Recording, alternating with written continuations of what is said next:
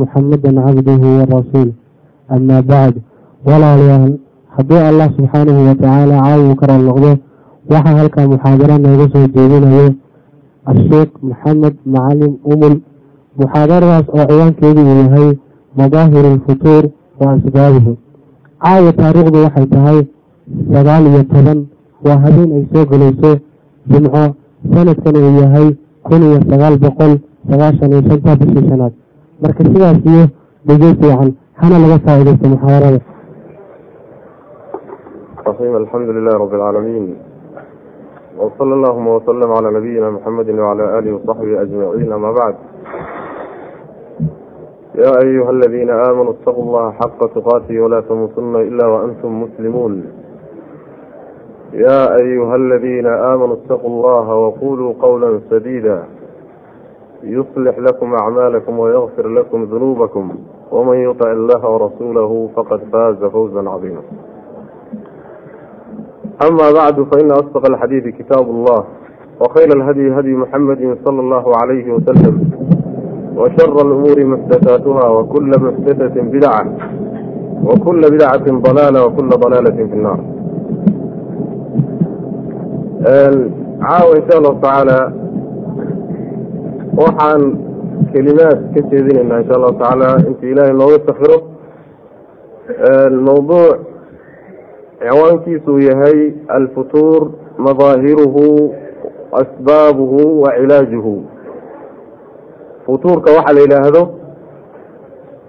iyo yacni muuqaaladiisa calaamaadka ku tusinaya dadku ku dhacay iyo waxa weeye asbaabta keenta iyo sidii lagu daaweyn lahaa.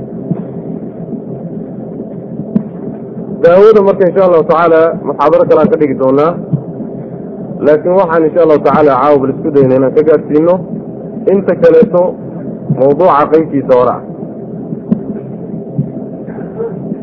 Futuurka marka waxaa la yidhaahdaa alinkisaaru waaldacfu baa la yidhaahdaa yacni jabitaan iyo dacfi ruuxa soo gaadha ayaa la yidhaahdaa. Waxay luqawiyiinta qaarkood ay odhanayaan waxaa la yidhaahdaa sakanun bacda xidda walaana bacda shidda.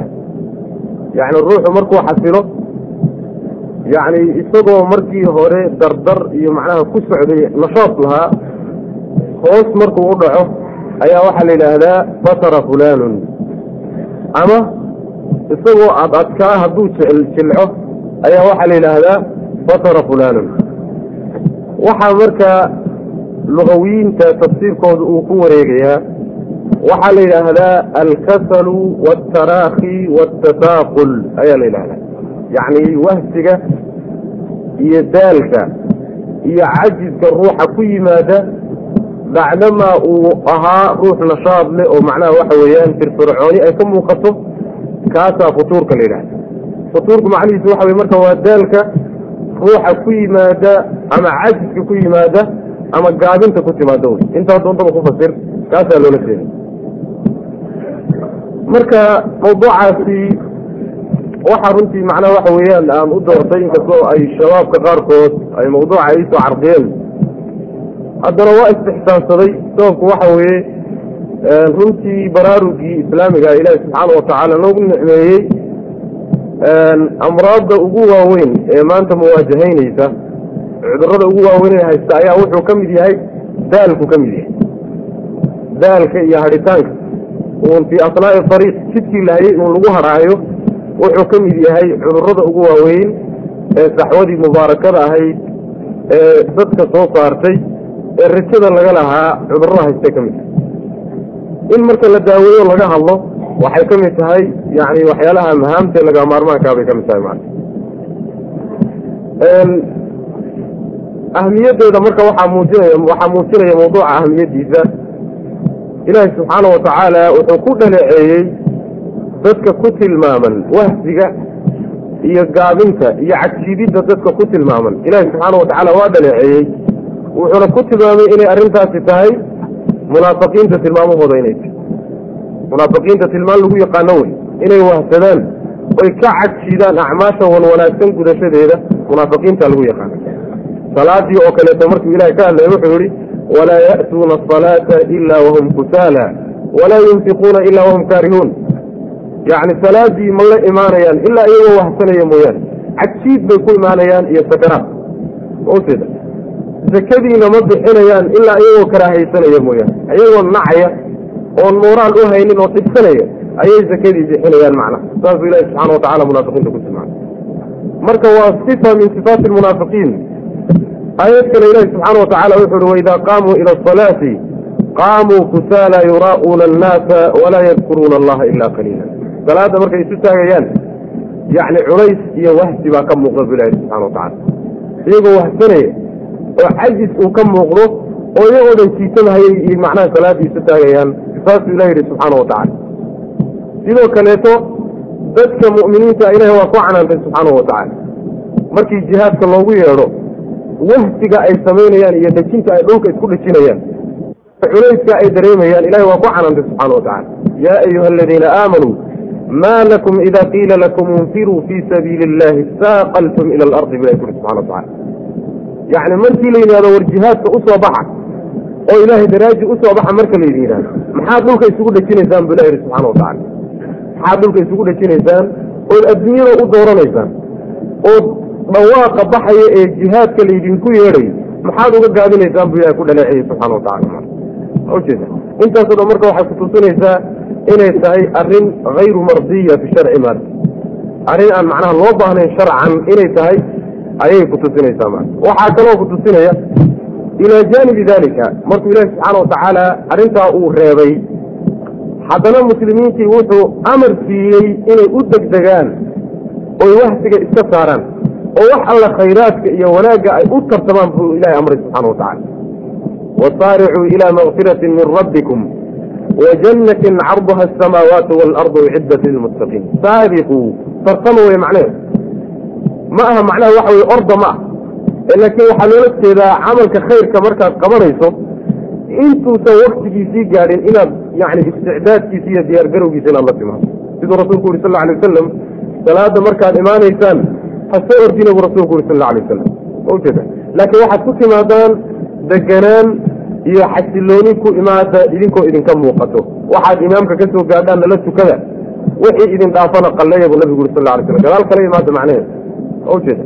In marka ruuxu horay u diyaar garoobo ayaa musaaracada loola jeeda sidoo kale muslimiinta muminiintu ilahi ku tilmaamay ulaa'ika yusaaricuuna fi lkhayraati wahum laha saabiquun. Yusaaricuuna fi lkhayraat wanaaggii bay u degdegaan.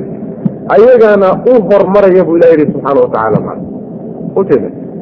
Yacni waxaa laga fahmayaa marka musaaraco mar hadday samaynayaan oo u tartamayaan cajis inuusan agtooda oolin cajis iyo wahsi inay ka soo tageen baad marka garanaysaa maara mafhuumka laga fahmayo waxaa kutusinaya mawduuca ahamiyadiisa rasuulkeenu sal alla alay wasalam kaana yastaciidu billahi min alkasal. Ilahi subxaana watacaala nebigu wuxuu ka magangeli jiray wahsiga shayga la yidhaha ama daalka shayga la dhaho wuu kana magangeli jiray. Xadiis saxiixa ku yimid oo saxiixeynka caaisha ay warinayso nebigu wuxuu odhan jiray salawaatu llahi wasalaamu calayh.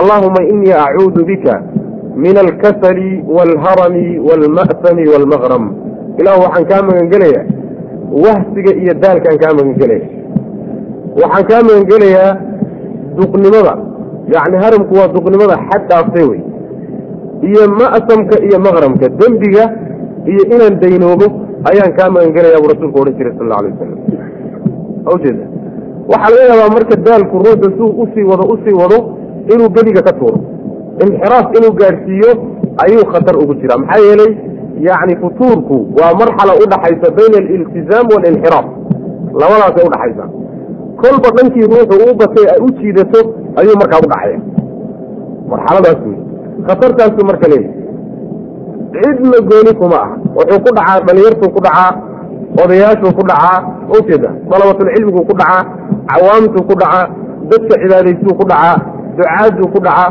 sinfi ka nabadgala ma jiro. Sinfi ka nabadgalaayo ma uu jiro sidaa daraaddeed yacni mawduuca in laga hadlo oo la daraaseeyo ahmiyadaasu marka leeyahy ujeeda waa cudur macnaha dadkao dhan ku yimaado wey ruuxu marka bal cudur ahaan inuu inuu yahay inuu u ogaado waa daruuri. Maxaa yeelay cudurka haya. Oo inaad caafimaad qabtay aada ismoodaysahay dhib ka badan ma jiro. Waad macnaha waxa wey waad bugtaa haddana caafimaad baad isku tirinaysaa. Waxaa la yidhaahdaa yani waxa wey akhtaru lamraadi akfaaha cudurrada waxaa ugu daran ka ugu qarsood ka ku macnaha kuu dhuunta ayaa ugu daran. Maxaa yeelay ka kale haddaad isku aragto inaad daawadiisa u degsato isbitaal iyo meel macnaha lagugu daawayo aadaadaa laga yaaba kan laakiin waxa weye saad isu moodaysana caafima qabto uba macnaha waxa way kula soo dhacaya sidaas wey marka. Intaa mar hadda haddaan ka soo baxno waxaan u imaanaynaa futuurka qaybihiisa daalka ama wahsiga ama gaabinta ruuxa ku dhacda. Ku dhacda ruuxa caabidka ilahay u cibaadaysanaya subxaana watacaala ama daalibulcilmiga cilmiga dalbaya ku dhaca.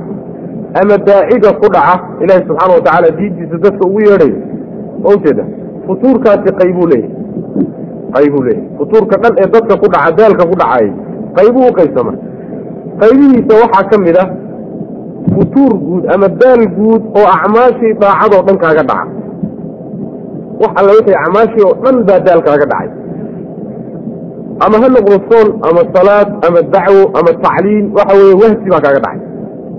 Ujeeda wahsigaa waxaa u dheer karaaho uu neceb yahay ma jecla. Ujeeda waa wahsanayaa oo inuu guto ma doonayo. Haddana isla markaasi waa neceb yaho maba rababa. Taasina waxa weye waa midda ilaahi subxaana watacaala uu ku tilmaamay munaafiqiinta uu ku tilmaamay wey aayaadkii haddaan akriyeyna oo kaleeto ayaa ku tusinay. Walaa yunfiquuna ilaa wahum kaarihuun. Ujeeda camalkii ma qabanayaan oo waa ka wahsanayaan. Haddana wahsiga waxaa u dheer karaaha qalbiya oo ma rabaan inay sameeyaan. Sida xadiidka saxiixa nebigu sal alay slam saxiixaynka ku yimid nebigu wuxuu yihi sal alay wasalam asqalu asalaati cala almunaafiqiina salaatu alcishaa wa salaatu subxi salaada ugu culus munaafiqiinta dushooda waa salaada subaxa iyo salaada cishaa buu rasuulku yihi sal alay wasalam walow yaclamuuna maa fiihima laatowhuma walow xabwan buu rasulku yuri sal alay wasalam haddayse og yihiin khayrka ku jira iyo wanaagga dhex yaalla iyo haniimada laga helo way imaan lahaayeen walow gurguuradba ha ku yimaadeen buu rasulku yuri sal alay wasalam ama dabasiqba ha ku yimaadeen. Si kastay ugu suurtagaltaha waa ku imaan lahaayeen kaasi marka waxa weeye munaafiqiintu ku dhaca dadka kaasi ay haysato alkasal waalfutuur maca alkurhi lahaa waa calaama min calaamaati almunaafiqiin qaybta labaad ee aqsaamta ka mida waxa weeye in uu kaaga dhaco wahsigu daacaadka qaarkood waxa weeye waad cibaadaysataa salaadaad ku fiican tahay laakiin sawdkii sawnkii isku kari weyday ujeeda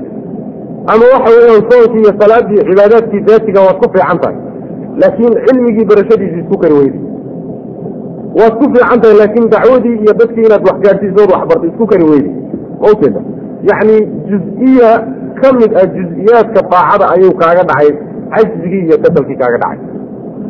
Isla markaasi waxaa iyadana u dheer qalbigaagu ma diidana.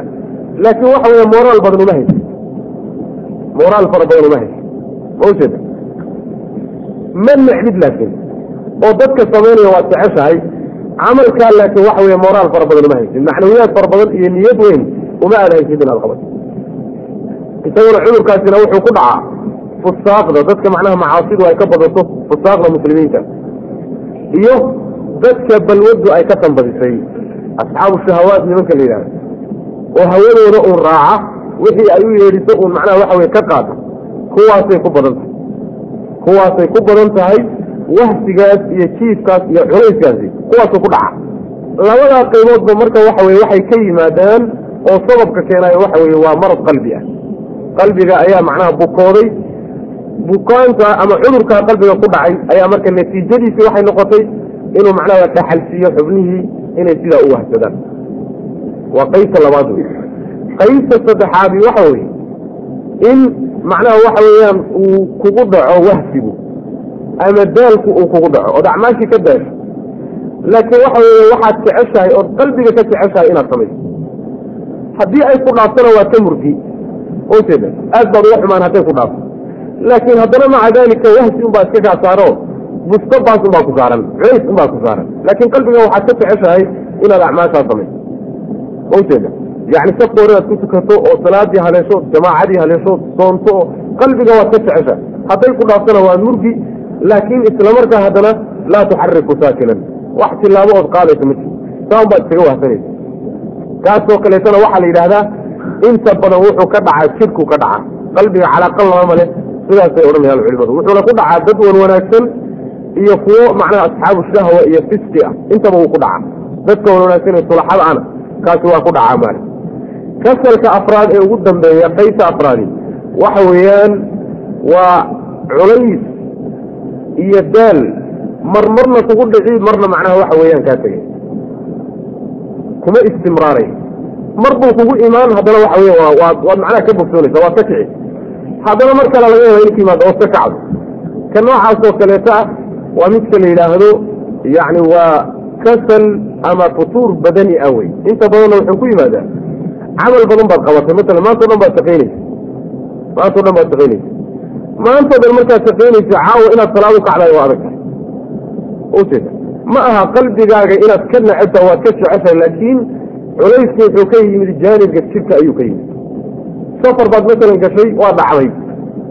Saad u socotay baa dhacday. Ujeeda culays jidkaaga ku dhacay daraaddeed ayaad macnaha waxa weeyaan.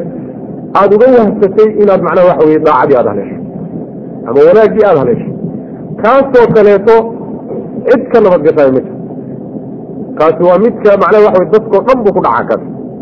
Saacadaha qaarkood qaarna nashaad baad leedahay. Oo ilahu yaa wax kugu dirsadaad isdhiig saacadaha qaarkoodna waxa weeyaan ciddii kula hadasha xataa inaad la dagaalantaa ku dhawaanay ujeed macnaha waxa weye dadkao dhan buu marka ku dhacaa. Waana midka uu ku soo arooray xadiidkii xandala muslim uu wariyey.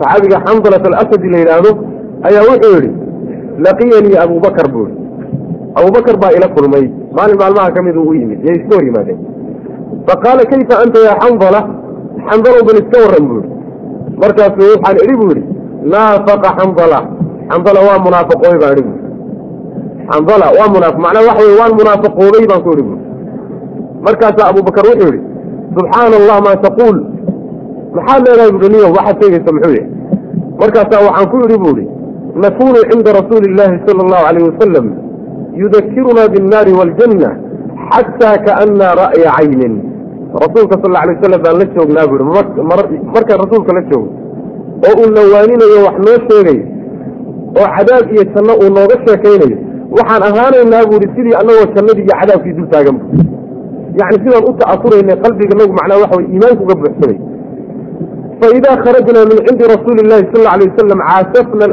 عافسنا الأزواج والأولاد والضيعات فنسينا كثيرا هذا رسولك سأشي في كتبنا ومركي بوعدك سعودي يواندي رسولك أن كتب أغنبا oon haweenkii iyo eheladii iyo caruurtii iyo badeecadii iyo suuqii aan galno wax fara badan baan halmaamaynaa bu qalbiganagii waa isbedelayaa bu rasuulka markaan la joognana qalbiganagu waa si markaan ka dhaqaaqnana waa si ujeeda munaafaqnimo wey marka isku tiriyey inuu munaafiq yahay. oo rasuulka markuu la joogana xaalad uu ku sugan yahay wanaagsan markuu ka tagana xaalad xun uu ku sugan yahay. Markaasay tageen. Rasuulkay u tageen salawaatu ullahi wasalaamu calayh waxay ku yidhaahdeen rasuulka salawaatu ullahi wasalaamu calayhi isagii abubakar intay israaceen yaa rasuulka markay u tageen baa xandala wuxuu ku yidhi qaabkii abubakar ku yidhi buu nabigana ku yidhi sal alla alay wasalam wuxuu ku yihi rasuulka ilahi waan munaafaqoobay nabigu waa weydiiyey salawaatu ullahi wasalaamu calayh.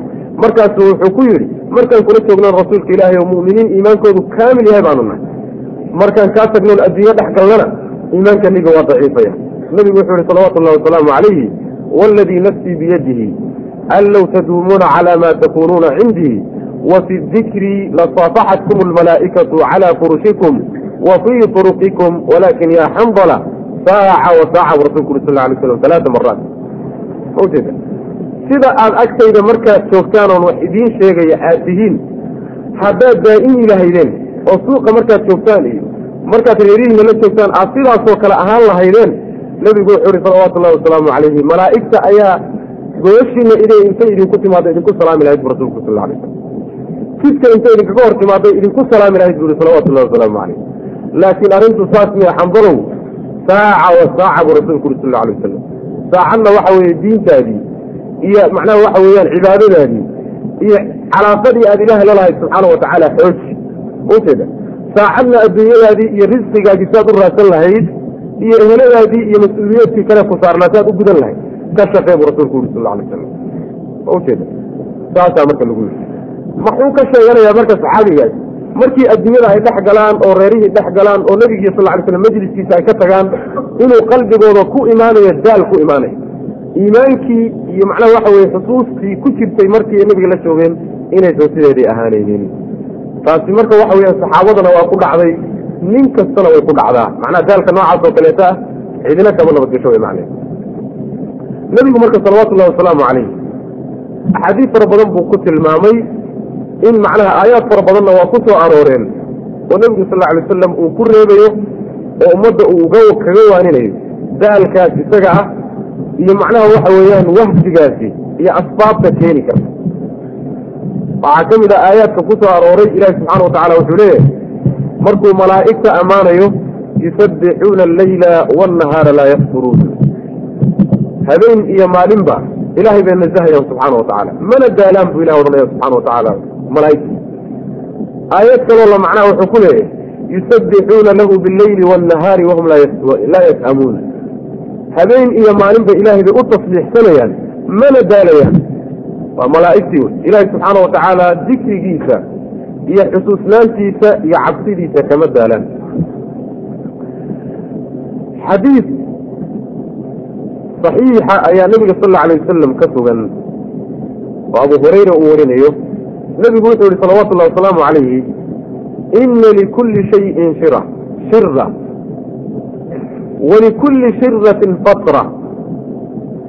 Fain fain kaana faina saaxibaha fain kaana saaxibuhaa sadada waqaaraba farjuuhu bu rasulku uri sal la alay wasalam wain ushiira bilasaabici falaa tacuduuhu camal kasta oo la qabanaya xiisuu leeyahay bu rasulku uri sal la alay wasalam xiise kastana meel uu ku dhammaaduu leeyahy ma ujeeda kitaab baa la bilaabaya baad maqli waxa weye xiisaa ku qabanaya xiisahaas iyo xamaasadaasi maalmay kuwadi markay maalmo ku wado way kula soo guri ujeeda waxaad arki adigoo dhowr baab dhegaysanin maalinta dambe adigoo adaab ka baxay. Ma ujeeda salaatuleyl baad bilaabi xamaasaad ku bilaabi. Markaad ugu badnaato bil markaad waddaad arkay inay kula soo gaabato. Habeenka dambe waakankaata macnaha hal ragcadood iyo laba ragcadood ba ku soo gaabato. Marka dambena waaba ka baxdayba camal kasta xiisaa lagu galaa iyo xamaasad xiise iyo xamaaso kastana meel ku dhamaadu leya nebigu sal alla alay wasalam xiisihiisii iyo xamaasadiisii soo budheen soo gaabatay ninkii ay ku dhammaato meeshii sunnada nebiga ahayd sal alay wasalam wuxuu rasuulku leeyahy sal alay wasalam ninkaasi waa nin liibaanay ma ujeeda waa nin liibaanay wey. Ninkii laakiin waxa weeye ay ka hoos marto sunnadii nebiga sal alay wasalam waa halaagsamay. Ma ujeeda marka hore waxay kula gaadhay xamaasadii iyo xiisihii aad haysay boqolkiiba sideetan baad ku dhufatay ama boqolkiiba sagaashan baad ku dhufatay way kula soo degtay say u soo soctay u soo soctay soctay boqolkiiba konton meesha sunnada nabiga sal alay waslam lixdan toddobaatan haddii aad ka hoos marto sunnadii aad hoos ka tiyaad markaasi waxa weeye nin halaagsamay baa tahay. Inxiraafna qarkaad u saaran tahay say kuusii waddo marka dambe waxa inay geliga kaala dhacdo. Ujeeda saas wey xadiidka nabiga sal alla alay wasalam macnihiisu mara wuxuu marka leeyahay rasulku sal alay wasalam camal kasta wuxuu leeyahay xiiso xiise kastana dhammaansuu leeyahay ninkii marka xiisaha lahaa ee xamaaskii xiisuhu ay wadeen haddii uu dhexdhexaysto oo uu dhaweeyo macnaha dhexduu macnaha camal kasta dhexduu ka qabsanaya haddana xagga kamaalku u dhowaanaya saasoo kale hadduu sameeyo wanaag uu rajeeyo bu rasulku sal alay wasalam haddiise laakiin waxa weye faraha lagu fiiqo oo hoos uu u dhaco ninkaasi nin la tirsado ma aha. Riwaayo kale waxaa ku soo aroortay faman kaanat fatratuhu ilaa sunnatii faqad ihtadaa waman kaanat fatratuhu ilaa gayri dalika faqad dalla buu rasulku uri sal alay slam ujeeda yacni ninkii daalkiisu uu sunnadayda ku istaago oo hoos uusan uga dhicin waa hanuunay buu nebigu uri sal alla alay wasalam ninkii daalkiisu laakiin ka hoos maro middaa iyada ah waa lumay buu yihi salawaatu ullahi wasalaamu calayh xadiidka hore waxaa warinaya tirmidi albanina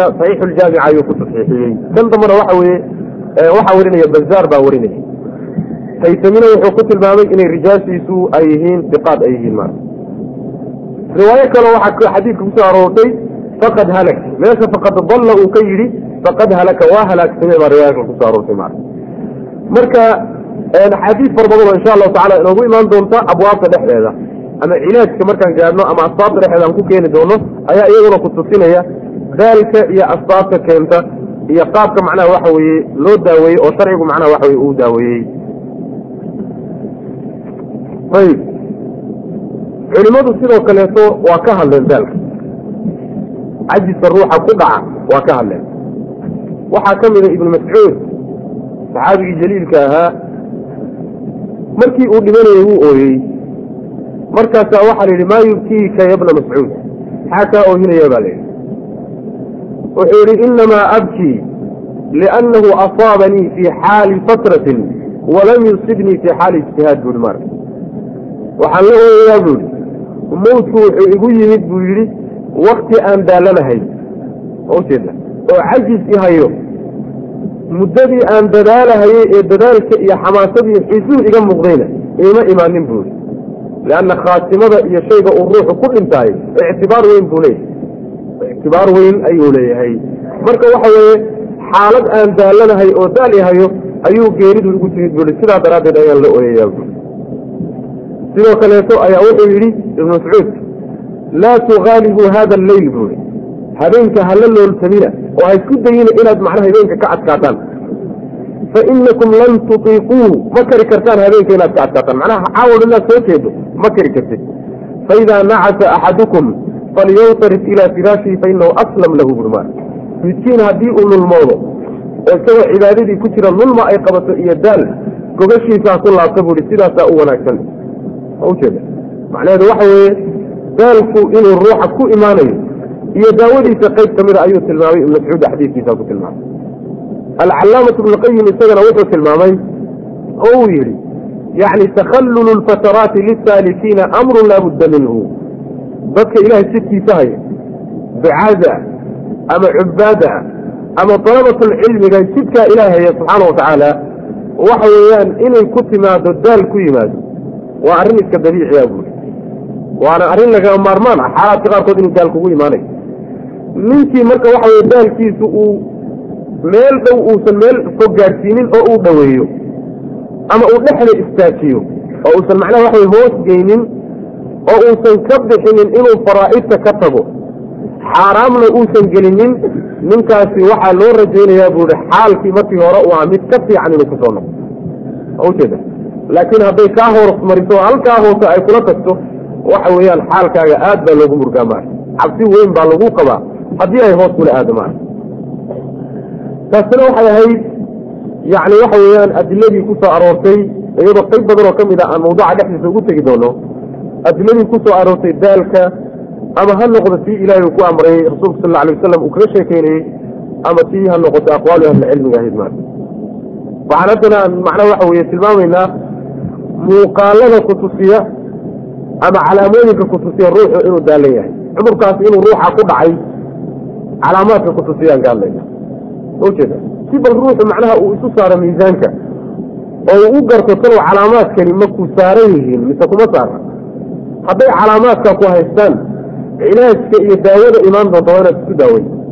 Haddayna calaamaadkaasi ku hayninna ilaahay baa subxaana watacaala ku nicmeeyey ku mahadin ziyaadana waxaa ka mid a calaamaadka iyo muuqaalada uu leeyahay wahsiga iyo daalku uu leeyahay iyo gaabintu ay leedahay in cibaadaadkii iyo daacadii ruuxu uu macnaha isku kari waayo. Oo uu culays dareemo markuu gudanayo ama uu kicitaankeediiba waxa weye uu ka wahsado haddii ay sidaasi ku haysato cudurkii futuur la odhan jiray baa ku hay. Cudurkii futuur la odhan jiray waa hayaa ruuxa isaga ah. Yacni ruuxu inuu masalan talaata ka wahsado oo kale qiyaamu leyl habeenkii inuu ilahay isu taago subxaana watacala inuu ka wahsadoo kaleeto qur'aankii akrintiisii oo kaleeto inuu ka wahsadoo kaleeto dikrigii inuu iska halmaamo o kaleeto soonkii sunnadahaa inuu ka wahsadoo kaleeto waxyaalahaasoo dhan waxay ku tusinayaan inuu ruuxa noocaasi cudurkii daalkaah uu hayo.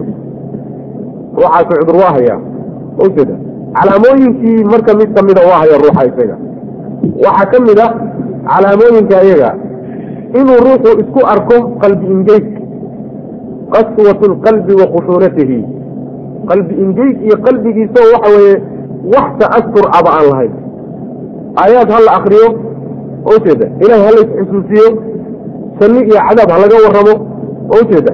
Wax kastoo la sheegaba waxa weeye qalbigaagu ma ta'asuray cudurkii la odhan jiray waxa weeye futuurku calaamaadkiisii wey saa isku aragtay futuurka calaamaadkiisii qaybo ka mida ku hay maxaa yeelay ilahi subxana watacaala dadka mu'miniinta wuxuu ku tilmaamay yacni waxa weeye inay quluubtoodu ta'asuraan markay ilahay digrigiisa dhegaystaan inama almu'minuuna aladiina idaa dukira allahu wajilat quluubuhum quluubtoodaa cabsata oo uu ta'siiriyaa dikriga iyo xusuusta iyo waxaa loo sheegay qalbigii hadduusan ta'asuraynin waa qalbi ingeyo wey geed ingeyeyna haddaad biyo kasta ku shubtahay inuu soo qoyo mar labaad uu soo noolaaday waa fogtahay waa shay baciida wey sidaas weeyaan waxaana keena inta badan qaswatulqalbiga dunuubtaa keena. Ruux hadday dunuubtu ka tanbadato qalbigiisa ay ka badato marka dambe qalbigu wuu daxalaysanaya. Siday birtu u daxalaysatoo kaleetu u daxalaysanaya. Madow baa fulay madowgaasi mar hadduu fuulana waxa weeyaan waxaa dhammaanaya awooddii qalbiga macnaha waxa weeye kicinaysay ee dafcinaysay ee daacada ku bixinaysa baa dhammaanaysa leanna dafcigan iyo waxan kadaata waxaa keena qalbiguu ka yimaadaa qalbigana nuurka iimaankaa ku bixiya iimaankuna macsiyada waa ku nusqaama. Iimaankuna macsiyada waa ku nusqaama oo mar kastood macsiyo gashaay iimaankaagu hoos buu dhacaya ilahi subxaana wa tacala wuxuu leeyahy kallaa bal raana calaa quluubihim ma kaanuu yagsibuun quluubtooda waxaa dabay oo daboolay waxay kasban jireen iyo acmaashooda xumayd buu ilahi odhanaya subxana wa tacala xadiid saxiixu nabigu sal alay waslam ku tilmaamay in ruuxu markuu dembi galo ay macnaha waxa weeyaan bar yar oo madow ay ku dhalanaysa qalbigiisa mid labaad hadduu galana bar kaloo madow baa ku garab dhalanaysa. Ilaa uu sii wado ilaa qalbigii oo dhan uu madow ka wada noqdo buu rasuulku yuri sal alay wasalam heerkaa hadduu gaadhona xumaantii wanaaggaa iskaga darmata mar hadduu heerkaa ruuxu gaadho laa yacrifu macruufan walaa yunkiru munkara ujeeda waa isugu mid wax kasta waa isugu mid markaasi maara xaalku halkaasu marka ka yimaada waa ka ilaahi subxaana watacala reer banu israiil ku dhaleeceeyey uma qasat quluubukum min bacdi dalika fahiya kalxijaarati aw ashaddu qaswa ilahi subxana watacala waa ka odhanay. Ujeeda qalbi ingeygaasi marka waa calaamaadka iyo muuqaalada uu leeyahay daalka iyo futuurka iyo wahsigu uu leeyahay. Wy bal ka ugu daran ka ugu daran wey haddii kaasoo kaleeto uu kugu dhaco waxa weeyaan acmaashiisi aada ugu qumtahay waa adagta haddaad uqumtana waxa weye adoo culays badan ku saaran yahay oo wahsanaya ad uqumi mara waxaa ka mid a muuqaalada uu leeyahay iyo calaamaadka uu leeyahay daalka iyo futuurka uu leeyahay waxaa ka mid a ruuxu inuusan wax mas'uuliyadaba dareeminba ujeeda cadamu istishcaari almas-uuliyati almulqaati cala alcaatib wax mas'uuliyadaba ma dareemayo ilba ma dareemayo sidaa daraaddeed waxaa ka muuqda uu iska tasaahuli ammaanadii ilahay uu saaray subxaana watacala buu iska tasaahulaya ujeeda ammaanadii ilaahay uu saaray ee samaawaadkii arrada intuu u badhigay ay diideen ee isagu uu qaaday buu iska tasaahulaya mar haddii ay ka muuqato inuusan nin yani waxa weye aan xil saarnaynba ugu muuqdo.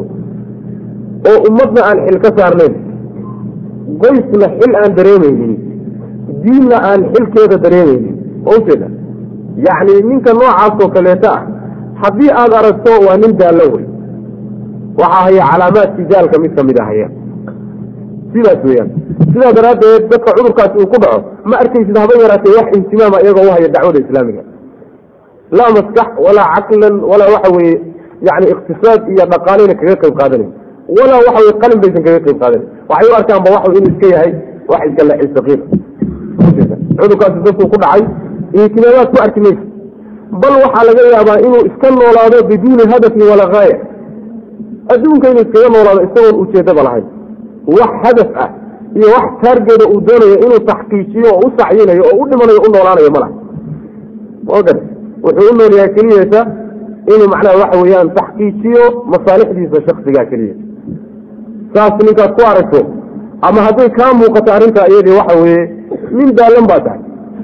Daal baa kugu dhaco wuxuu kaa asiibay arrintii ugu muhiimsanayd. Aakhiradaadii iyo diintaadii iyo mas'uuliyaddii ku saarnayd buu kaa asiibay. Halkaasuu cudurku kaaga yimi sidaa daraaddeed soomaalidu waxay ku maamaadaa yani ninku hadduu yani xildhibeen yahay nin xildhibo hadduu yahay. Waxaa daruuri ah xilkaasi inuusan la seexanin waxay ku maamahaan nin lagu seexdow ha seexanin bay dhahaan. Sooma ninkii macnaha waxa weye ummad ay ku nasanayso oo waardi ah oo diinteedii u ilaalinaya ama nafteedii u ilaalinayo adaa lagugu shiifaayo ha siisanaya macneed ujeeda ha seexanin wax daala kuguma dhacay. Wax daala kuguma dhacay. Laakiin waxa weye haddaadan yani waxaasba war ka haynin oo mas'uuliyad intaa leegi xil noocaaba aadan dareemayninba hadde waxa weye barkintaa dheeraysani waxay ka mid tahay markaas yacni cudurka isaga calaamaadkiisa ayay ka mid tahay ruuxu inuu yahay ruux hayru mas'uuli ah. Oo macnaha waxa weye aan wax mas'uuliyadaba dareemaynin maarata waxaa ka mid ah calaamaadkeeda waxaa ka mid a ruuxu inuu ihtimaamkiisa iyo macnaha waxa weeye juhdigiisa ku bixiyo adduunyo. Alihtimaam bidunya waalinshiqaalu biha. Adduunyo un inuu ku mashquulo waktigiisii iyo juhdigiisii iyo caqligiisii iyo mawaahibtiisii oo dhan inuu adduunya un ku bixiyo ujeeda yani waxa weye cilmigii qolobkiisii iyo dacwadii iyo cibaadadii ilaahay kulligeed wuxuu kaga mashquulay adduunyau kaga mashquulay.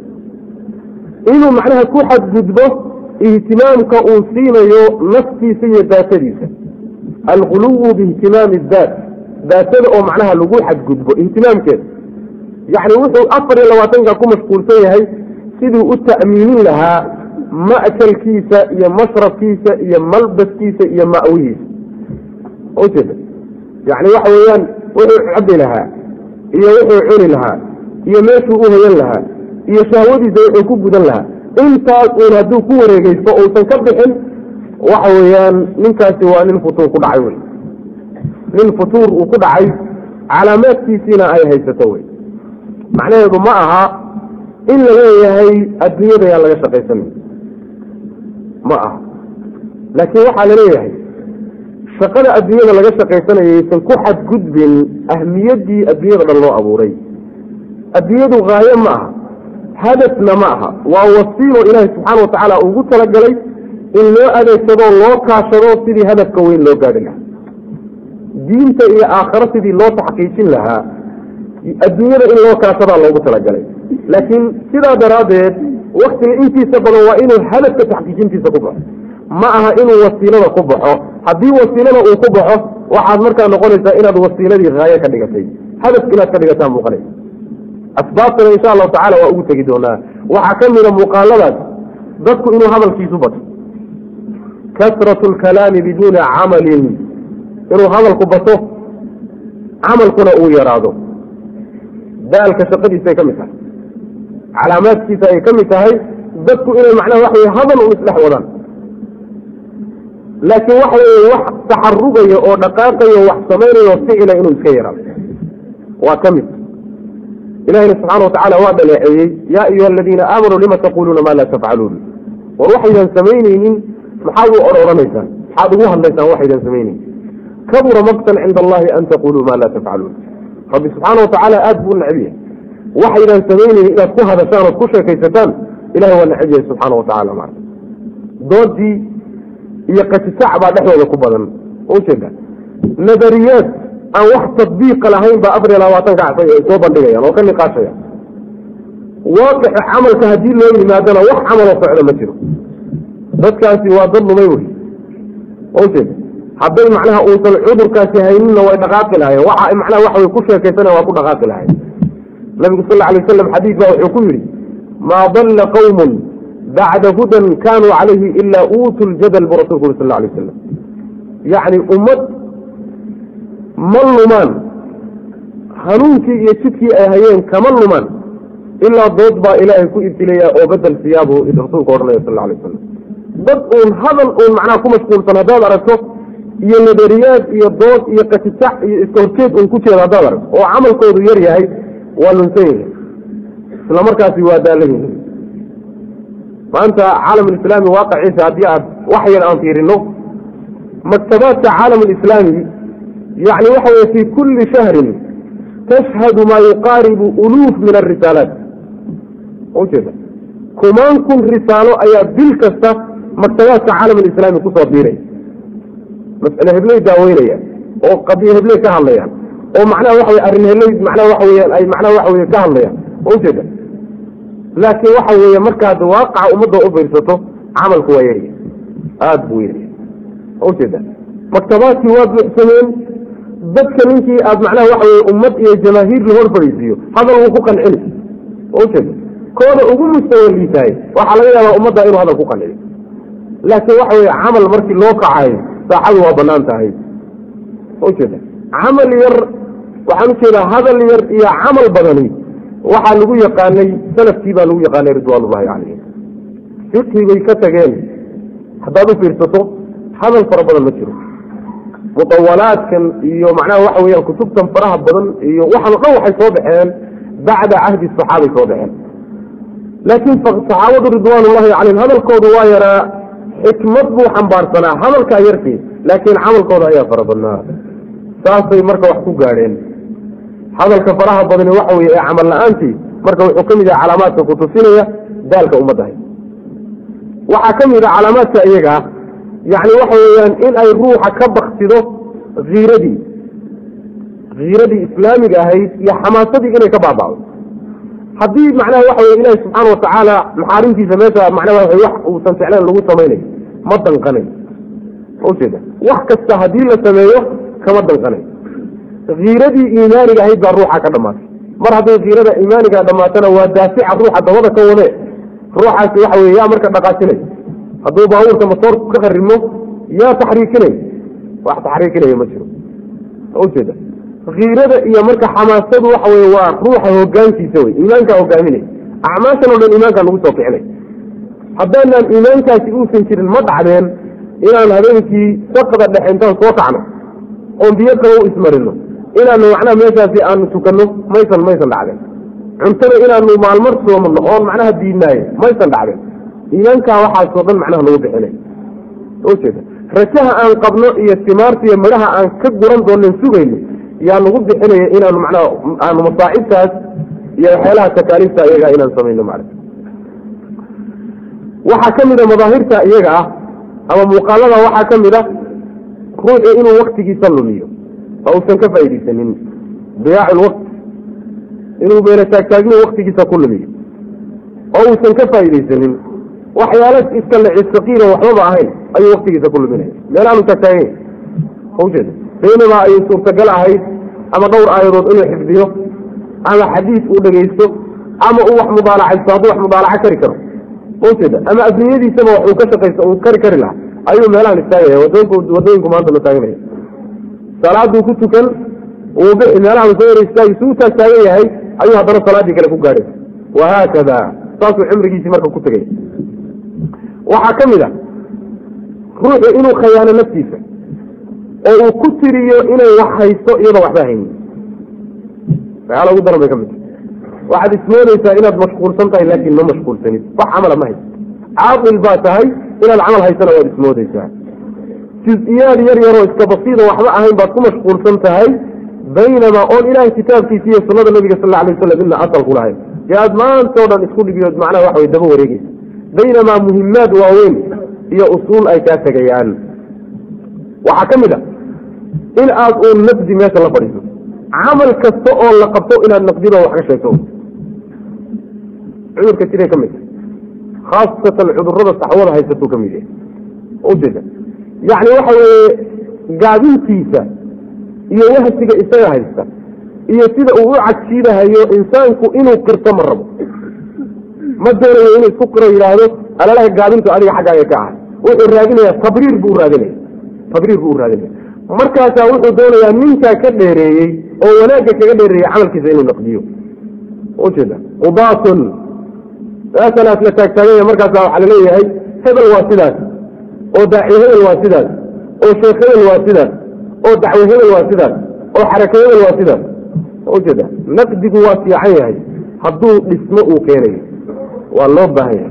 Ummadduna sideedama naqdiga ayay ku toosaa inxiraafkana kaga nabad gashaa laakiin inuu dhismo keenayo wey adiguna waa inaad nin camalka ku dhex jiro wax qabanaya aad tahay laakiin meesha intaad istaagto un inaad dad wax ka sheegto un waxay ka mid tahay daalka qaybihiisa ugu dardaran ayay ka mid tahay maaragta cajiskaaga sidaa u tabriiriso iyo macnaha waxa weeye wax qabad la'aantaada si aad u tabriiriso oo macnaha waxa weye aada isaga leexiso yani eedda adig kugu soo wajahan si aad isaga leexiso maarata waxaa ka mid a arrimaha iyaga ruuxu inuu wax kasta dib dhigo altaswiif wata'diil dib baan ka qaban doonaa dib baan ka qaban doonaa shay alla shaygii aad qaban lahayd inaad dib u dhigato usbuuca dambe aad qaban doontaa usbuucida markii la gaadhana ka dambe aad qaban doontaa markii la gaadhana berri baad qaban doontaa suu berri kuugu wado kugu wado kugu wado waa kaa dhamaatay ujeeda camalkii diyaarka ku ahaa waxa weye diyaar kuuma ah duruuftii markaa taagnayna waa isbedeshay ujeeda waxaa marka waxa weeyaan ka mid ah in camalkii waktigiisii aad la doonayo inaad qabato aad sidaad ugu hayso sawfa sawfa sawfa sawfa sidaad ugu hayso waxa weeyaan uu kaa dhamaado waxay ka mid tahay calaamaadka yani kutusinaya ruuxu inuu daalan yahay ayay ka tahay maanta. Sidaa daraaddeed ma haboona camalka maanta in loo dibdhigo berrito. Ka berridana in saam dambe loo dibdhigo ma haboona. Ka ku haystana inaad berrito u ma haboona. Camal kasta waktiga ku ugu soo horreeya inaad qabataa loo baahanya maxaa yeelay berrita aad u dibdhigayso ma gaari doontaa mise ma gaari doonta ma garanayso sidaa daraaddeed hadda unbaad isubtaaye camalka qabso ama calaamaadkii kutusayey ruuxa cajisku uu hayo ama daalku uu ku dhacay cudurkaasi ruuxu ku dhacay. Haddana waxaan u gelaynaa asbaabta keenta cudurkan. Ilan cudur kasta sabab buu leeyahay. Cudur kasta sabab buu leeyahay sababka garashadiisuna waxay ka qayb qaadanaysaa daawadii inaad hesho. Cudurka sababka keenay markii la gartaa waxaa la gartaa daawadiisii la gartaa. Asbaabta marka keenta daalka keenta ama waxsiga keenta ama gaabinta ilaahay daacadiisi iyo sidii la rabay laga gaabiyo keenta waxaa ka mida inuusan ruuxu uusan ikhlaas camalka ula imaanin cadamu likhlaas daacadka ma aha. Ilahay daraaddii subxaana watacaala umuusan samaynayni ujeedooyin kaluu ka laha ha lagaa sheegay uula jeeday? Ujeeda kursi aad ku gaadhid buu ula jeeday. Masaalix shaksi aad ku taxqiijisid buu ula jeeday. Weji iyo shuhro iyo macnaha waxa weye caannimo aad ku qaadatid buu ula jeeday. Ujeedooyin kaluu ka lahaa mar hadduusan camalku ikhlaas lahayn ma soconayo ikhlaaskuna acmaasha aqbalkeeda rukniga koobaad wey hadduusan camalku lahaynna lama aqbalayo ilahina subxana watacaala aayad far badan ayuu dadka muslimiinta ku faray. Rasuulkuna sal lay slam wuxuu yihi ilaahay xadiidulqudsi uu rabbi ka warinayo ana akna shurakaai cani shirki. Wax la wadaajinta waxa la wadaago. Ninka ka kaaftoomaan ahay bu ilahi odhanaya subxana wataala cidda ka kaaftoontaan ahay uma baahni. Ninkii camal sameeyo oo cid kale wax iigu darana isagiiyo camalkiisiiba waa isla tuurayaa bu ilahi odhanaya subxana watacala saasuu leeyay isagiiyo camalkiisiiba waa ka tegaya. Ictibaar male macna ruuxa marka waxa weeyaan dacwadiisu ay ahayd matalan inuu macnaha waxa weya shuhro helo hal lagu sheeg sheego ay ahayd. Sumco inuu ku gaadho ninka doonayey inuu kursi ninka doonayey waxa weeye ujeedadiisii inta ama uu ku khasaaraya ama ku fashilmayaay muddo fog maaha mar hadduu taa gaadhana waxa weeyaan hoosdhac buu bilaabaya laakiin ruuxa hadduu ilaahay daraaddii ay ka ahayd dalabulcilmigu ilahay daraaddii buu ka ahaa ujeeda dacwadii iyo dadka diinta uu sheegay ilaahay dartii bay ka ahayd. Mar hadday ilaahay daraaddii ka ahayd rabbigii ay daraaddii aada wax u samaynaysay weli waa joogaa qaa'im wey kaasi inta uu qaa'im yahayna adiguna ay awood aad ku samayn karta ay kugu jirtana ma ka istaagaysa maxaa yeele hadafkaagii aad lahayd weli maadan gaadhin. Hadafku ruuxu intuusan weli gaadhin oo uu tooganayana waxa weeyaan daalkusi ugu yimaado waa adagta ma ujeeda asbaabta marka daalka keenta waxaa ugu horeysa ikhlaas la'aan baa ugu horeysa ikhlaas la'aantu marka laba qaybood weye inuu ruuxu marka ugu horeysa camalka uu bilaabhayaba uu ku bilaabo ikhlaas la'aan ku bilaabo. Oo meeshii ugu horrey tilaamadii ugu horreysaba ay la bilaabato. Iyo intuu ikhlaas ku bilaabo dhexda markuu marayo inuu tashwiis soo dhex galo. Way dhacdaa.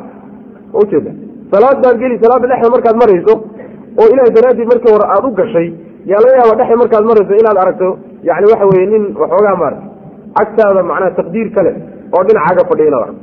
Markaasaad qurqurxin.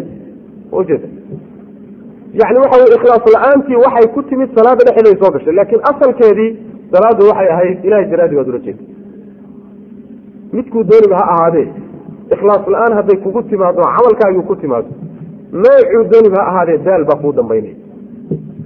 Waxaa ka mid a asbaabtaasi cilmigii sharcigaha oo daciifa. Ruuxa macnaha waxa weye ilahi subxaana watacaala jidkiisa haya daalibulcilmiga ah ama daaciga ah ama caabidkaa ilaahi subxaana watacaala xaggiisa u hadduusan cilmi sharci a lahayn waxa weye isagana waxyaalaha daalka ku keenay ka mid tahay.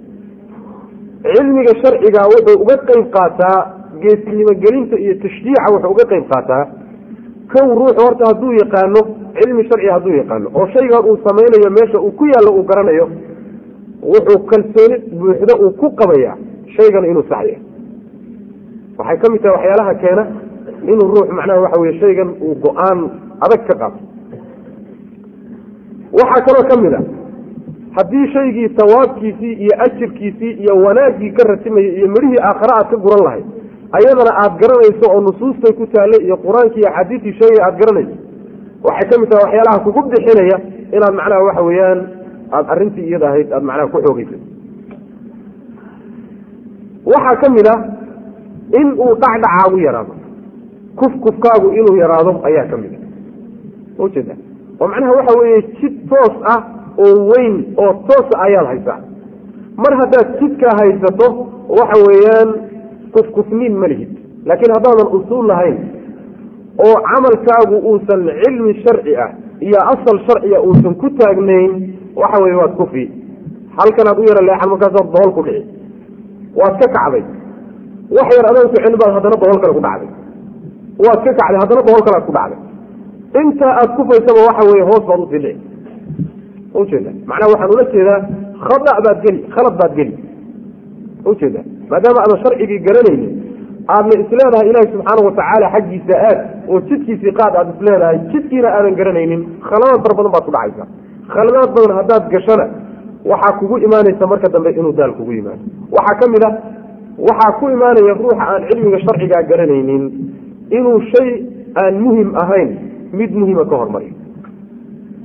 Ujeeda masalan waxaa ka mid a tusaalayaasheeda dacwada majaalkeeda markaan ka hadlayno awlowiyaad bay leedahay. Awlowiyaadkeeda waxaa ka mid a dadka in marka ugu horeysa xagga caqiidada iyo tawxiidka laga dhiso. Ujeeda waxay ka mid tahay asasiyaadka diintu ay sugtay dacwadii rasuulkuna ay ku istaagtay bal dacwat alambiyaai jamiican ayaa ku istaagtay. Haddiisan marka uusan garaynin ruuxu jaahil uu ka yahay waxaa laga yaabaa inuu siyaasad ka bilaabo tartan xisbi iyo ujeeda yacni mudaaharaad iyo munaafasaad siyaasiya iyo halkaasuu ka bilaabi ujeeda intee in leeg bay wadayaan marka? Muddo dheer ma wadayaan. Dadkan atbaacda ee macnaha waxa weye ku daba guuraya ee siyaasiyan kuu taageersan haddii mabda-iyan aysan kuu dhisnayn oo caqiidiyan iyo macnaha waxa weye aysan ugu qancin waxaad wadato maalinta dhib yar kugu yimaada waa ka hoos baxaya yacni ibtilaha ugu horreeya imtixaanka ugu horreeya idin soo muwaajahey waa kaa hoos siibanaya maxaa kugu dhacaya markaas? Bedelkii aada isku tirinaysay inaad kursiga ku soo bixi doonto ayaa waxa weeye jamaahiirtii dhan intay kaa hoos baxday yaad keligaa meesha ku soo haday maxaa maxaa ruuxaasoo kale laga filaya marka? Waxaa laga filaya inuu darishada ka baxo. Ujeeda inuu darishada ka baxa laga filaya waa akhdaada juz ka mida wey cilmiga sharciga mar haddaadan garanaynin iyo awlowiyaadka siday u kala horeeyaan waxay ka mid tahay waxyaalaha kugu keeni kara khaaa ama kugu keeni kara daalka kugu keeni kara saas daraaddeed buu ilahi amaanay subxaana watacaala qul hal yastawi aladiina yaclamuuna waladiina laa yaclamuun. Ma sinna labadaas qolo. Dadka culamada ee wax yaqaana iyo dadkaan wax aqoonini ma sinna. Sidaa daraaddeed dadka shabaabka ah iyo shuyuukhda iyo caamada iyo ummadoo dhan waxaa daruuriya inay culimadooda ka dambeeyaan in culimada laga dambeeyo oo cilmiga laga dambeeyo oo tilaabo markii la qaadayo cilmiya looga qanac marka hore. Diiniya waa in looga qanac ma ujeeda baarlamaanaad baa la gelaya ma ujeeda dawlad cilmaaniya laga qeyb gelaya sharciyan ma bannaan tahay. Isweydii marka hore. Waa inaad marka hore ka qanacdo diiniyan uga qanacdo. Ma ujeeda dagaal baad gelaysaa. Dagaalkaasi sharciyan marka hore waa inaad diiniyan uga soo qanacdo. Ma ujeeda ma aha inay caatifadu ku hogaamiso cilmigu waa inuu ku hogaamiyo waxaa dhacaysa khaladkaagii muddo kadib markaad ku baraarugtay inuu khalad ahaa oo muddona aad ku soo socotay markaasi waxay ka mid tahay arrimaha ka qayb qaadanaya inuu niya jab kugu yimaado. Waxayna ka mid tahay saxwada cudurka haysta qaybo ka mida wey juz ka mida wey yani waxa weeyaan ictibaar weyn waxaad moodaa inaan la siinaynin in bal mas'aladii fatwo ahaan looga dhergo marka hore oo diiniya looga dhergo intaan tilaabo lagu qaado caadifada iyo xamaasada ayaa naga tan badan ujeeda cilmigiina waxa wey gadaal buu maray mar hadday xamaasadu la hogaaminayso ruuxuna inuu saraaxoodo oo naftiisa markuu la hadlayo u saraaxoodo waa daruuri. Khaladkaaga macnaha waxa weye markaad ka hadlayso waa inaad siduu yahay aada u muujisato markaa kadibna aad ka noqoto wey.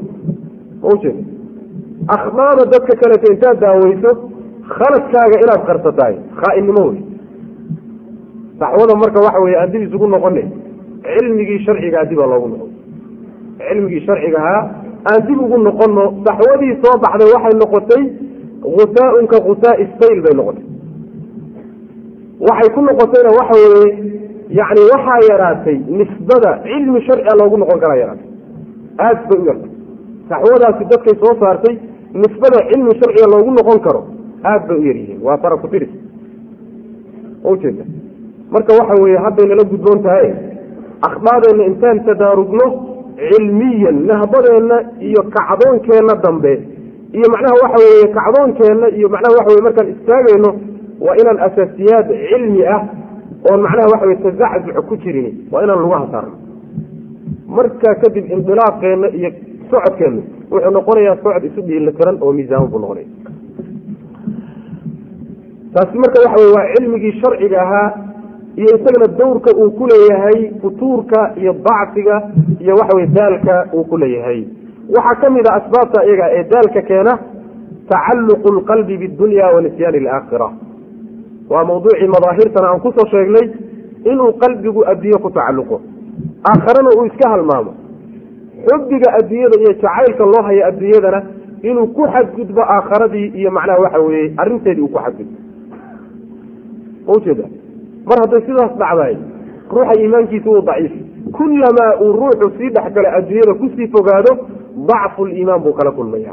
Waa kii aan soo marnay xadiidkii abu xandala hadda aan soo maraynay waa ka odhanaya yacni waxa weye mar kastoon haweenkii iyo ehelkii iyo macnaha waxa weeyaan badeecadii iyo carruurtii aan dhex galno arrintanadii iyo xaalkanagi waa isbedelaya ujeeda mar kastood adduunye ku sii fogaatahay waxaad ogaataa in macnaha waxa weye aada aakhare ka sii fogaanayso wa min huna qalbigaagii uu dhinac u badanayo aakharadii macnaha waxa tacaluqeedina uu aada u yaraanayo maa sidaa daraaddeed dadka adduunyada aada uga shaqeeya ee adduunyada ku mashquulsani waxay dhibsanayaan aakhare in looga sheekeeyo.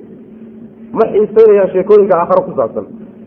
Sheekooyinka dacwo ku saabsanna ma xiisa gelinayaan ma dhegeysan karaan.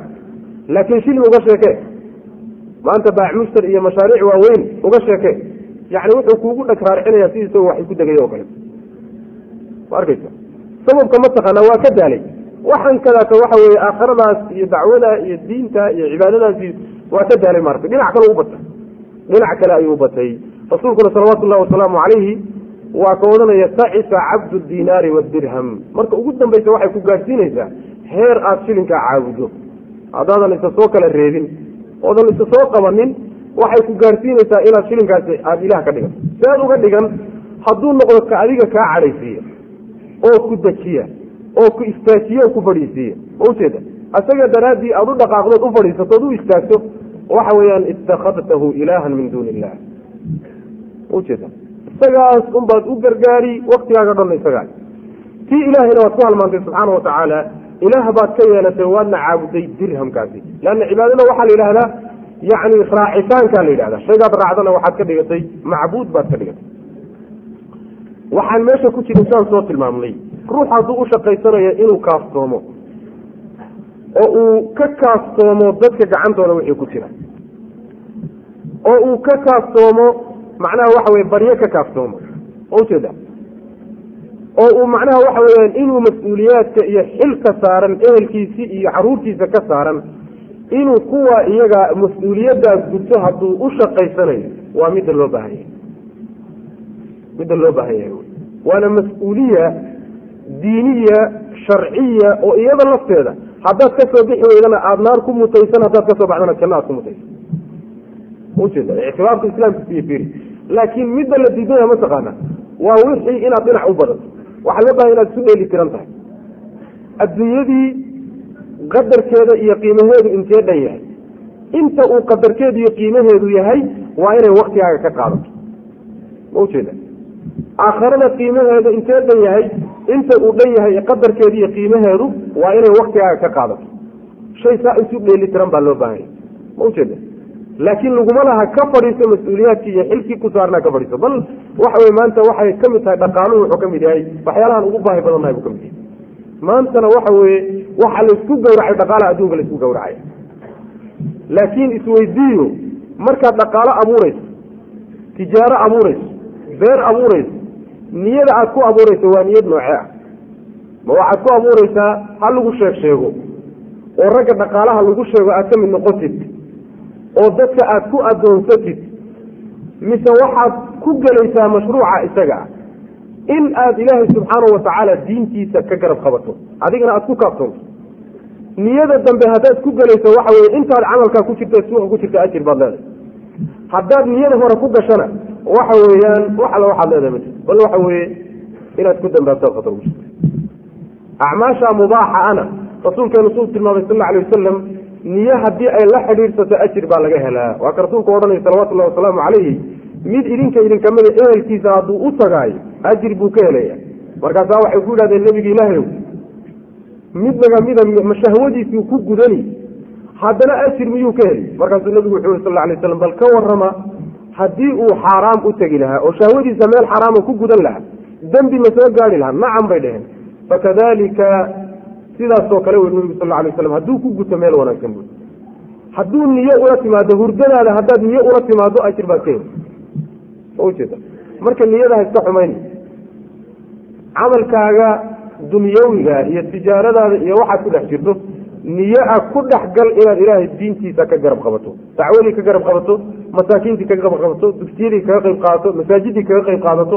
Ma ujeeda kulamaa uu shilin kuu kordho waa inaad macnaha waxa weye dhankan kadaata aada la garab istaagto hiil iyo hooda la garab istaagto niyada haddaad ku taxarugto khayr aada u fara badan baa lagu rajaynaya. Haniga shaakirka ah iyo faqiirka saabirka ah meesha lagu tartansiiye wey. Halkaa wey meesha lagu tartansiiye